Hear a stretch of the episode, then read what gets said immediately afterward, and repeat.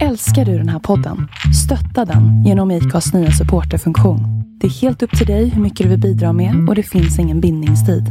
Klicka på länken i poddbeskrivningen för att visa din uppskattning och stötta podden. There's never been a faster or easier way to start your weight loss journey than with PlushCare.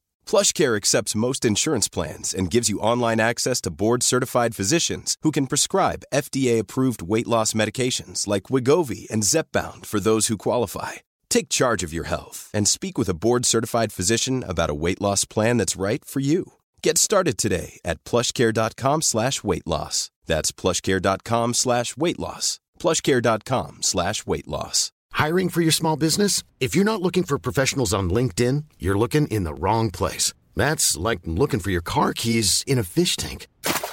LinkedIn helps you hire professionals you can't find anywhere else, even those who aren't actively searching for a new job but might be open to the perfect role. In a given month, over 70% of LinkedIn users don't even visit other leading job sites. So start looking in the right place. With LinkedIn, you can hire professionals like a professional. Post your free job on linkedin.com slash people today. Hey, it's Ryan Reynolds, and I'm here with Keith, co-star of my upcoming film, If, only in theaters May 17th. Do you want to tell people the big news?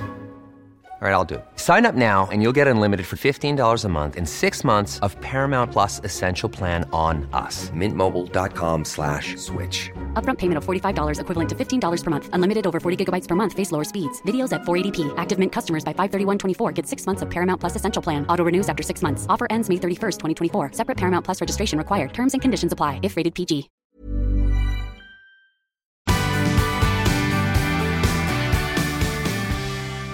Och välkommen till Vanlife and Stories. Jag heter Sandra och jag bor i en van. Ni kan hitta mig på Instagram, det heter Off the Grid With. Just nu sitter jag i min bil i Västerås. Jag kommer ju faktiskt från Västerås ursprungligen. Men det var väldigt många år sedan som jag bodde här. Jag tror jag var typ eh, 21 när jag flyttade därifrån. Och i år blir jag 33. Det är helt sjukt.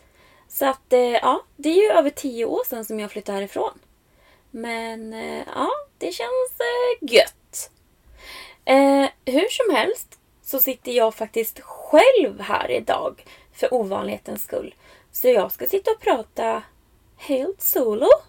Jag hoppas att det inte blir allt för tråkigt att höra på min röst. Och speciellt idag också. För idag så tänkte jag att jag skulle prata lite om budget och ekonomi. För det är väldigt vanliga frågor som man får. Eh, vad mer ska jag säga? Det kan bli kul. Eller?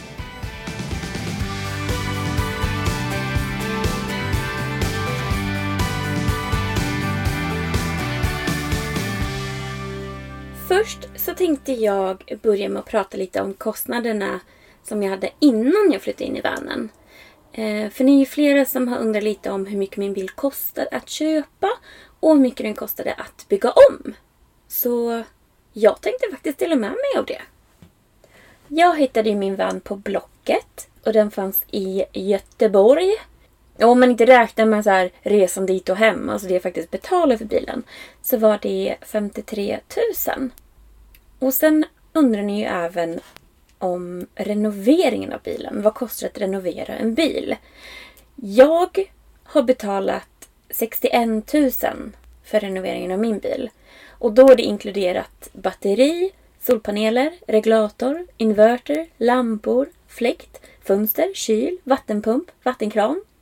Eh, vad heter det mer? Såna här... Äh, uh, diskho. eh, golv, färg, tyg till soffan och sängen, gardiner, säkerhetsskåp, isolering, eh, färg till bilen. Alltså verkligen allt. Allt byggmaterial plus även en hel del inredningssaker. Eh, så jag har ju inte direkt snålat kanske. Alltså man kan ju bygga så mycket billigare. Alltså du kan lägga 30 000 och fortfarande få ett fungerande och fint hem. Men det beror ju liksom på om du vill att, att sakerna ska vara helt nya så du har garanti. Och om du vill ha de allra bästa eller kändaste märkena. Det beror på hur stort batteri du vill ha, hur många solpaneler du vill ha. Vissa har ju inte kyl, jag har ju en kyl. Det beror på hur du ska använda bilen och så vidare. Men det går helt enkelt att bygga en bil för mycket, mycket mindre. Det går att bygga för hur lite som helst och för, för hur mycket som helst också. Men alltså om jag hade haft 30 000 att bygga om en bil för. Då hade jag gjort det. Då hade jag inte lagt 60. Alltså, gör det bara. Bygg och åk. Du kommer ju... Alltså du kommer ju älska din bil oavsett. Och plus att du kan ju alltid förbättra den senare. Så kör bara. Låt inte pengar hindra dig.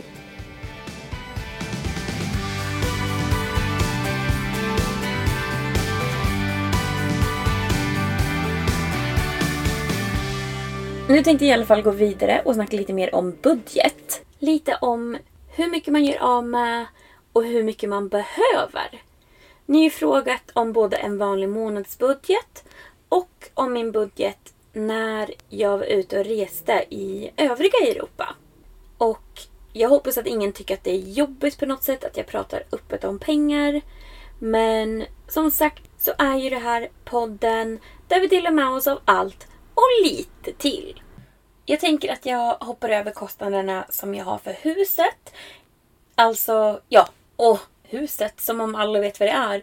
Jag äger nämligen ett litet eh, attefallshus i Huddinge utanför Stockholm. Men eftersom att jag hyr ut det så hoppar jag över det och kostnaderna för det är ganska orelevanta eftersom att det här handlar om vanlife. Så jag tänkte börja med att dela med mig av alla fasta kostnader som jag har. För de fasta kostnaderna är ju sådana kostnader som jag inte kan göra någonting åt. Alltså de finns ju där oavsett vad jag gör. Eh, så de viktigaste är ju såklart alla försäkringar. Jag har ju en bilförsäkring som går på 631 kronor per månad. Och eh, då är min bil försäkrad som husbil. För jag registrerade om den till husbil från skåpbil förra sommaren. Och eh, det här gjorde jag för att om jag bara hade haft den försäkrad som en vanlig bil så hade ju bara värdet av själva bilen varit försäkrad. Men genom att jag har registrerat om den till husbil så blir även allting som jag har byggt om här bak i bilen också försäkrat. Och eh, då höjer jag alltså värdet som försäkringen täcker. Från, om man säger så här, bilen kanske var värd 50 000 som en skåpbil. Men som en husbil så är ju det materiella värdet 110 000. Eh, som jag då, vi säger att jag kör ner i en sjö eller om jag krockar och den blir totalkvaddad eller, eller om någon stjäl bilen så bör jag ju få ut tillräckligt mycket på försäkringen för att kunna bygga en ny van. Och det hade jag ju inte fått om den bara var registrerad som en, som en skåpbil. Då var, hade det ju bara varit som att slänga alla de här pengarna i sjön. Alltså för kylen och fläkt och allting vad jag nu har här bak. Och när man registrerar om Eh, en skåpbil till en husbil så blir även skatten billigare. Eller nu säger det som att jag vet det för alla bilar men det vet jag inte. Nu pratar jag om mig själv och min bil. När jag registrerade om min skåpbil till husbil så blev min skatt billigare. Eh, och skatten betalar jag tre gånger per år och den ligger på 1880 kronor per gång. Alltså 5640 kronor per år. Och blev billigare för mig nu när den är omregistrerad än vad den var innan. Så både försäkringen blev billigare och eh, skatten blev också billigare. Sen så besiktar jag ju bilen en gång per år. Det går på cirka 700 kronor. Så det är ingen stor summa i det stora hela. I samband med det så brukar jag även göra service på den. Men det ser jag mer som en engångskostnad och jag har alltid ett eh, bilreparationskonto liksom, där jag har en viss summa ifall bilen går sönder. Eller jag försöker alltid ha en viss summa. Så då brukar jag betala med pengar från det kontot. Och sen försöker jag alltid fylla på det kontot så fort det går så att jag alltid kan känna mig trygg med att, med att kunna laga bilen om den går sönder längs vägen. Liksom. Um, och den här servicen gör jag hos världens bästa mekaniker. Han heter Christian och äger Allunda Auto strax utanför Helsingborg. Och det här är inte någon reklam. Utan det är bara att jag tycker verkligen att han är skitgrym. För han gör verkligen det som behövs och så här, håller inte på att luras eller någonting. Och han ger alltid ett, ett rimligt pris liksom. Och plus att han brukar alltid låta mig få parkera min bil bakom verkstaden dagen innan. För han vet att jag är en morgontrött person. Så då kan jag sova där och sen glider jag in då med bilen på morgonen utan att ha behövt gå upp mycket tidigare för att köra dit liksom. Ja, han, han är verkligen guld i alla fall. Och då säger jag det, jag, när jag är i Sverige då hänger jag mest i Västerås, Stockholm. Ish. Det är ju här jag hör hemma. Men ändå skulle jag aldrig göra min service någon annanstans än hos honom i Helsingborg. Men utöver det så betalar jag även extra på min hemförsäkring för att ha drulleförsäkring eftersom att jag är världens lilla klant. Eh, det kostar 119 kronor per månad. Plus att jag betalar a-kassa på 262 kronor per månad. Och det gör jag för att jag ska känna mig trygg om något oförutsett skulle hända. Men i ärlighetens namn så vet jag inte ens om jag har rätt till a-kassa eftersom att jag inte har jobbat på vintern så mycket. Jag betalar även 188 kronor för egentligen onödiga nöjen som Spotify och Netflix. Så det är ju sådana saker jag hade kunnat säga upp egentligen. Men jag klarar mig nog inte utan musik och lite film på kvällen. Så att de där 188 kronorna, de får vara kvar som en fast kostnad. Eh, sen betalar jag även 325 kronor för andra konton som jag behöver som Epidemic Sound och Adobe. Eh, men det är också individuellt. Alla använder inte de programmen. Så det här är ju bara mina kostnader. Utöver det så betalar jag 898 kronor för min telefon och iPad plus abonnemang. Alltså, eller att det ingår. Abonnemangen ingår i de pengarna. Eh, och jag har fått en fråga om vad jag har för abonnemang eftersom att jag är ute och reser så mycket. Och eh, det är så att jag har ett mobilabonnemang med frisurf hos tre. Men det är frisurf inom Sverige. Så när man är utanför Sverige så är det 60 GB inkluderat. Och utöver det så har jag även ytterligare 60 på min iPad. Och Det här totalt gör att mina fasta kostnader varje månad landar på 2423 kronor. Men då räknar jag inte in bilskatten och besiktningen och så vidare. Eftersom att, det, eftersom att jag inte betalar det månadsvis. Men om man skulle slå ut det per månad så blir månadskostnaden 2951 kronor per månad.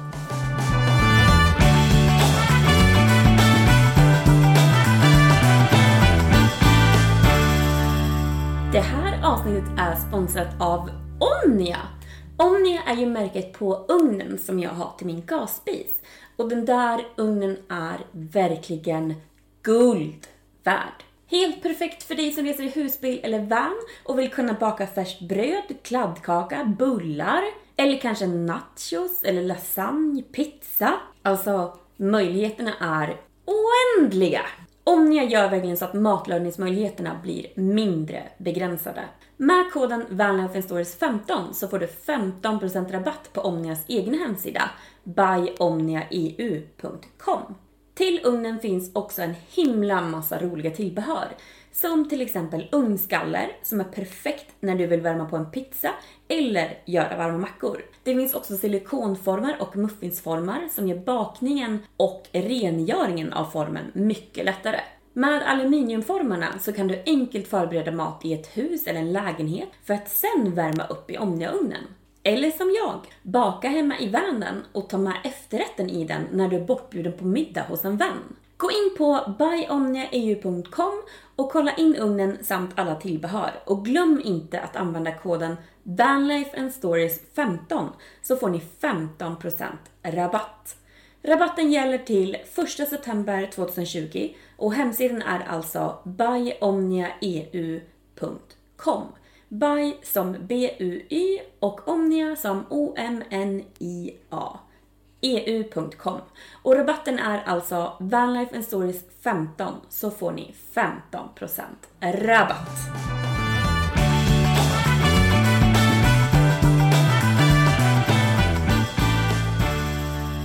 Någonting annat som man kan tänka på är att om du är utomlands och är det en längre tid så brukar hemförsäkringen oftast täcka en till tre månader när man är ute och reser. Så det gäller att kolla upp med sitt eget försäkringsbolag vad som gäller. Och att teckna en extra reseförsäkring är ganska dyrt. Men jag brukar alltid göra det för man vet aldrig helt enkelt. Eh, och jag har kollat upp en tidigare räkning jag har betalat. Och då när jag betalade för perioden 7 oktober till 5 februari så betalade jag 3366 kronor. Som är ett snitt på ungefär 840 kronor per månad. Så om man skulle räkna med att vara ute och resa utanför Sverige mer långsiktigt så skulle den totala månadskostnaden bli 3792 kronor. Men då är det alltså inkluderat bilförsäkring, druleförsäkring, reseförsäkring, hemförsäkring, bilskatt, bilbesiktning, a-kassa, två abonnemang för mobil och iPad med alltså 160 inkluderat. Eh, musikrättigheter, programvaror samt nöjen som Netflix och Spotify. Så man kan ju säga att jag behöver strax under 4000 för mina fasta kostnader varje månad om jag bor utanför Sverige en längre period. Men det går ju såklart att minska den summan också. Man behöver ju inte Spotify och Netflix. Vissa behöver inte det programvaror som jag använder heller.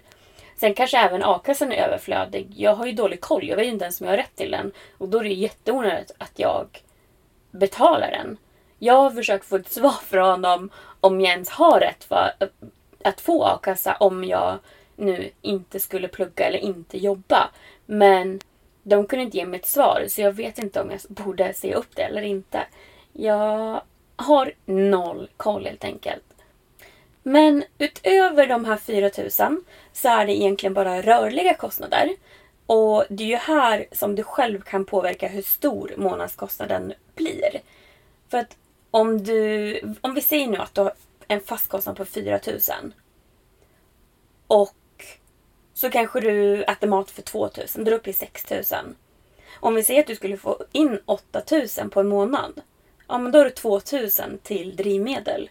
Ja men res inte så mycket då. Då klarar du det ju. Alltså man kan ju verkligen man kan påverka de rörliga kostnaderna hur mycket som helst. Så med andra ord så brukar jag alltså säga att de rörliga kostnaderna är mat och drivmedel. Och om jag är i ett land jag ska, som jag ska stanna i ett tag så skulle jag säga att jag lägger cirka 3000 på drivmedel och 2000 på mat. Men hur mycket jag lägger på drivmedel beror ju på vilket land jag är i eftersom priserna skiljer sig väldigt mycket. Samt att det beror på om jag får för mig att åka jättelångt och byta land till exempel. Om man tänker när jag jobbar som sportfotograf då lägger jag uppemot 8 till 9 tusen på drivmedel per månad. Vilket är helt sinnessjukt mycket. Men det är ju för att jag byter land nästan varje vecka också. Och jag behöver inte tänka på samma sätt eftersom att jag kan göra utlägg då när jag fakturerar företagen. Sen beror det ju såklart på om du är en person som gillar att shoppa, göra aktiviteter som kostar pengar eller att gå ut och äta ofta.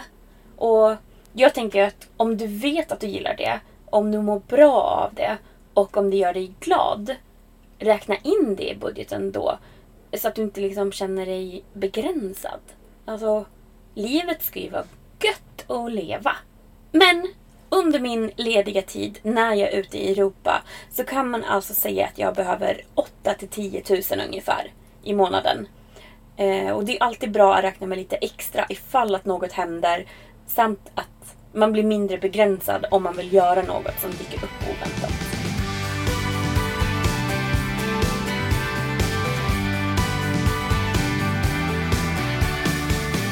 Okej, okay, det var lite om budget. Nästa stora fråga jag tänkte... Oj, nu knäckte händerna mitt i. Nästa stora fråga jag tänkte snacka om är hur man försörjer sig när man lever vanlife för att täcka upp alla de här kostnaderna. Först och främst så skulle jag faktiskt vilja tipsa om en artikel som jag har skrivit om olika jobb som man kan ha för att försörja sig när man vill ha lite mer alternativ livsstil som till exempel vanlife.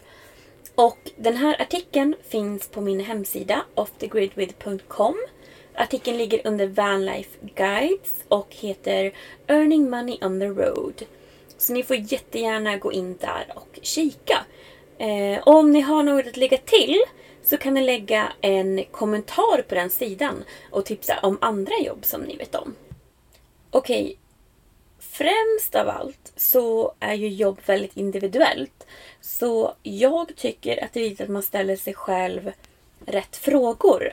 Och att ni verkligen tänker efter och är ärliga när ni svarar på dem. Frågorna som jag skulle ställa mig är Vad är du intresserad av? Vad tycker du är kul att göra? Vad är du bra på att göra?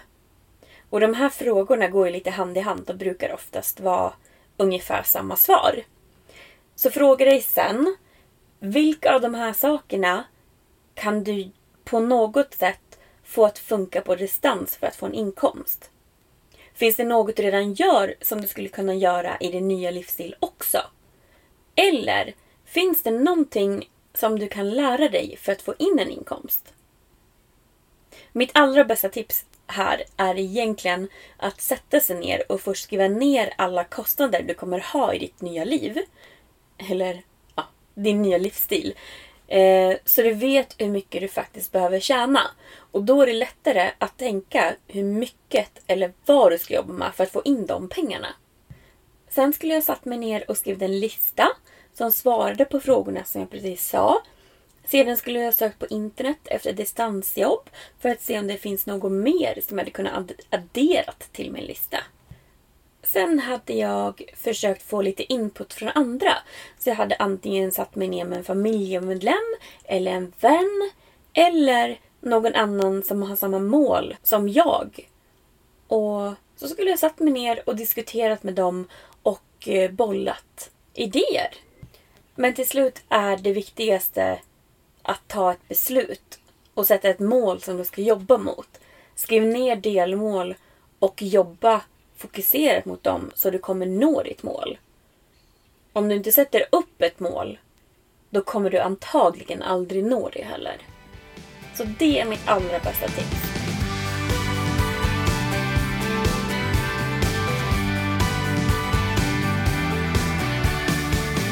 Men jag tänkte även dela med mig av det jobb som jag tänkt kan funka väldigt bra när man vill ha ett mer rörligt liv. Och det är, håll i hatten, 16 olika jobb. Det första jobbet är foto. Jag jobbar ju som fotograf. Sportfotograf närmare bestämt. Och eh, jag åker ju runt och fotar lopp i hela Europa. Så det passar ju mig väldigt bra. Men man kan göra mycket mer än så som fotograf. Du kan jobba med stockfoto, produktfoto eller eventfoto till exempel. Du skulle även kunna lära ut till andra, alltså sälja lektioner. Nummer två på listan är podcast. Nu är det ju så att jag börjar med de mest uppenbara, det som jag håller på med. Och det går ju att ha reklam i sin podd och då kan man ju tjäna pengar på det sättet.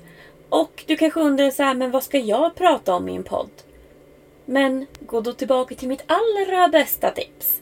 Vad är du bra på? Vad gillar du och vad blir du glad av? Du kanske har något intresse eller någon kunskap som du kan dela med dig av?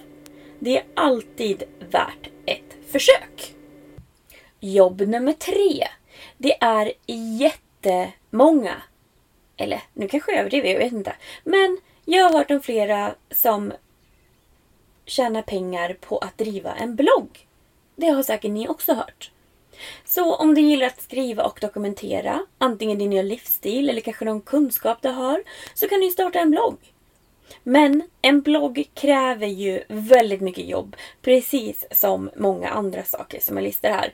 Inte bara att faktiskt uppdatera den regelbundet och ha intressanta och relevanta saker, utan du behöver ju även fixa annonser, kanske affiliate-länkar eller samarbeten för att ens kunna få någon inkomst på den. Många av de här sakerna jag säger också är ju väldigt svårt att få en heltidsinkomst på. Givetvis, jag förstår det. Men det här är förslag på sätt som man kan få in pengar på. Och ibland så kanske det blir att man får jobba lite så här många bäckar små. Alltså att du kanske får göra fem olika saker för att få in de pengarna du behöver istället för en sak. Okej, nummer fyra. Sociala medier. Och det är absolut ingenting jag skulle rekommendera att förlita sig på som en inkomst. Men det kan ju vara en bra start att bara dela med sig om vem du är, vad du gör. För om någon tycker det du gör och vem du är är intressant så finns det ju stora chanser att även intressera av andra saker du gör. Du kan även jobba med att skapa content till andra, att hjälpa företag med deras sociala medier. Youtube kan man ju också tjäna pengar på genom reklam i sina videos. Men det krävs också sjukt mycket jobb. Och det kan ta väldigt lång tid att komma upp i det antal visningar och subscribers som man behöver för att ens få tillgång till att ha sin reklam. Men ja, sociala medier kanske inte är någonting man ska gå ut med från början och tänka så här. Åh, oh, jag ska tjäna pengar inom sociala medier. Men absolut, var aktiv och se vart, vart det bär dig. Det är väl alltid bra att ha en plattform eller så. Så kör hårt. Nummer fem. E-bok. Och det här är ju igen, det är ju väldigt specifikt. Så vad har du för intressen? Vad har du för kunskaper? Finns det någonting som du kan dela med dig av genom en e-bok så är det ett perfekt sätt att tjäna pengar på. Du kan ju sälja boken var du än är. Och det är bra för miljön eftersom att det inte är en fysisk bok. Och det är dessutom någonting du lägger tid på att skapa en gång. För att sedan, ja men egentligen bara försöka marknadsföra. Och det är ju här det kan vara bra med sociala medier igen. Att få folk som redan är intresserade av vem du är och vad du gör. Alltså de är väl antagligen intresserade av den, din e-bok också. Då är det ju jättebra att tipsa om det här i dina sociala medier. Tips nummer sex. Det är webbsidor. Om du är bra på webbdesign eller att skriva kod så är det ju perfekt att jobba online. Om du inte kan skriva kod men är intresserad så jag hörde att det är relativt lätt att få sådana jobb. Så det finns ju stora chanser till att ha ett normalt eller stadigt jobb fast på distans. Så det kan ju vara läge att ta en kurs för att lära sig det för att sen få ett bra och stabilt jobb. Nummer sju är produkter. Många som reser utnyttjar de intressen eller kunskaper som de har. Det finns många som till exempel tillverkar smycken som de säljer online. Vissa målar. Jobb nummer åtta är kontorsjobb. Om du redan jobbar på ett kontor som du trivs på, undersök om det går att göra jobbet på distans. Du kanske kan börja med att prata med chefen om att jobba hemifrån en dag i veckan. Och sen när chefen känner sig bekväm med det så kanske ni ökar till två och sen tre och så vidare. Då får ju chefen veta att det funkar på ett rimligt sätt. Och du hinner även bli bekväm med att få det att funka på distans. Nummer 9. Också ett ganska vanligt jobb tror jag. Alltså att du frilansar. Om du är bra på att till exempel skriva så kan du starta en hemsida och börja skriva lite artiklar för att få någon sorts portfolio. Och sedan försöka skriva artiklar åt andra. Det finns också jobb på till exempel Upwork och i olika Facebookgrupper. Och man kan ju frilansa på så många olika sätt. Men just nu så pratar jag om att skriva. Jobb nummer 10. Airbnb-upplevelser.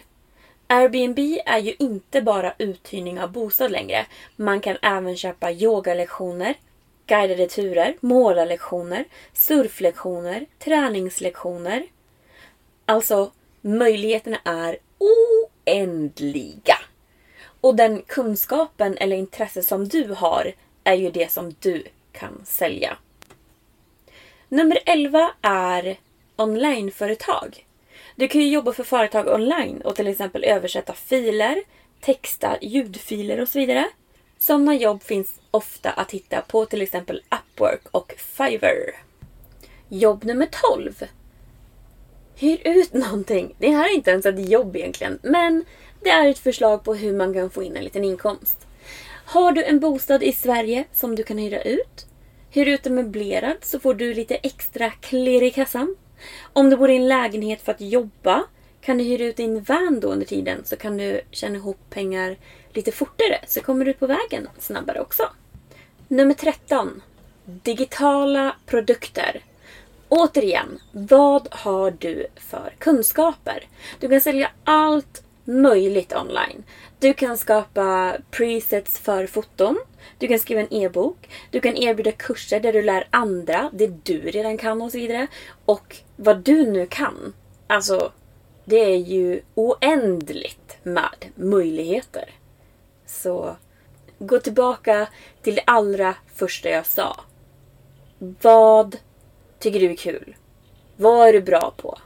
Kolla på den listan. Jag lovar att du hittar någonting. Nummer 14. Jobba som korrläsare, klippare, editerare. Jag kan inte de korrekta termerna, men jag tror ni fattar min poäng. Det finns ju väldigt många människor som skapar så mycket material, men de har inte tid att ta hand om materialet själva. Det kan gälla artiklar, det kan gälla foton till Instagram, det kan gälla folks hela Instagram till och med. Det kan vara videos till Youtube, det kan vara ljudfiler till podcasts. Alltså, det finns hur mycket som helst. Och sådana jobb kan du säkert hitta på Upwork och i olika Facebookgrupper tänker jag. Jobb nummer 15. Ditt jobb, fast på distans. Det här funkar ju såklart inte för alla, det fattar ju vem som helst. Men det finns ändå en möjlighet att tänka på det. För det kanske funkar. Så vad jobbar du med nu? Om du trivs, kan du göra jobbet på distans? Eller finns en annan tjänst inom företaget som gör att du tjänar tillräckligt mycket som du skulle kunna jobba med på distans? För att om du ska byta livsstil så kanske du inte behöver tjäna lika mycket. Du kanske kan gå ner ett snäpp i hierarkin, eller vad man nu ska säga. Det finns ju många som jobbar som språklärare, folk som skriver kod och till och med folk som jobbar som revisor medan de reser. Och nu, jobb nummer 16. Säsongsjobba! Du behöver ju inte jobba året om. Du kan ju försöka jobba 3-4 månader någonstans för att sedan leva på de pengarna hela året. Eller sommarjobba i ett land och sen så gör du en vintersäsong i Alperna till exempel. Om du inte vill jobba så många månader i sträck. Så du kan ju välja antingen om vi säger två månader på sommaren, två månader på vintern. Eller så kör du fyra, fem månader på raden för att sen vara ledig resten av året. Det kan ju också bero på vilket land man åker till för att jobba. I vissa länder kanske man tjänar mer än andra länder. Och bor man i sin bil så har man ju inte lika många utgifter som de flesta andra i det landet antagligen. Det här var min lilla lista på 16 jobb eller 16 idéer. Nu medan jag sitter här och berättar det här för er så känner jag att jag kommer på ännu fler jobb. Så jag hoppas att ni också gör det. Om ni vill veta ännu mer om de här yrkena eller idéerna som jag precis har räknat upp så kan ni gå in och läsa artikeln Earning Money on the Road under Vanlife Guides på min hemsida offthegridwith.com.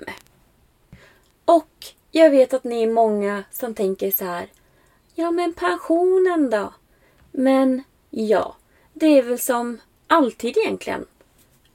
Om ni tänker leva länge, tänk på pensionen, pensionsspara, se till att ha pengar till sen.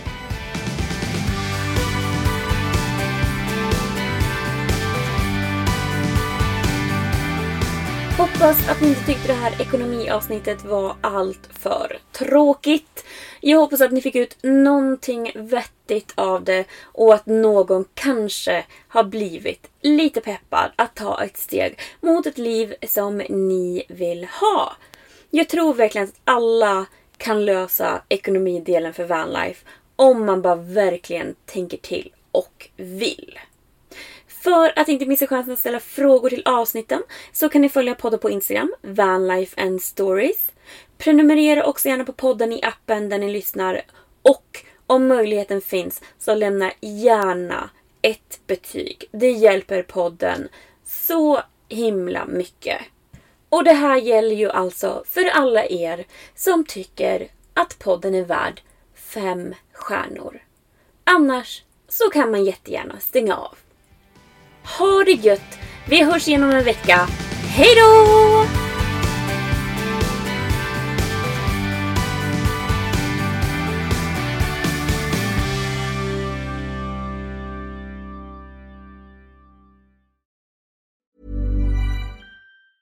Planning for your next trip?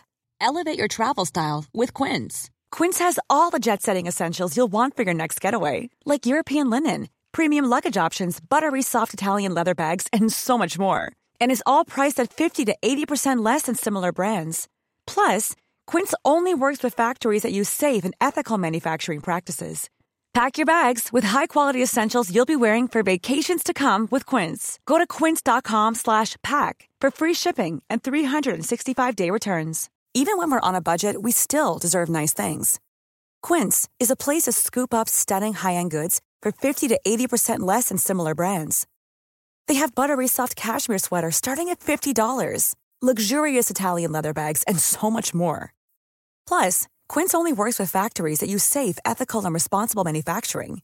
Get the high-end goods you'll love without the high price tag with Quince. Go to quince.com slash style for free shipping and 365-day returns. Imagine the softest sheets you've ever felt. Now imagine them getting even softer over time. That's what you'll feel with Bowl and Branch's organic cotton sheets. In a recent customer survey, 96% replied that Bowl and Branch sheets get softer with every wash. Start getting your best night's sleep in these sheets that get softer and softer for years to come. Try their sheets with a 30-night guarantee. Plus, get 15% off your first order at bowlandbranch.com. Code BUTTERY. Exclusions apply. See site for details.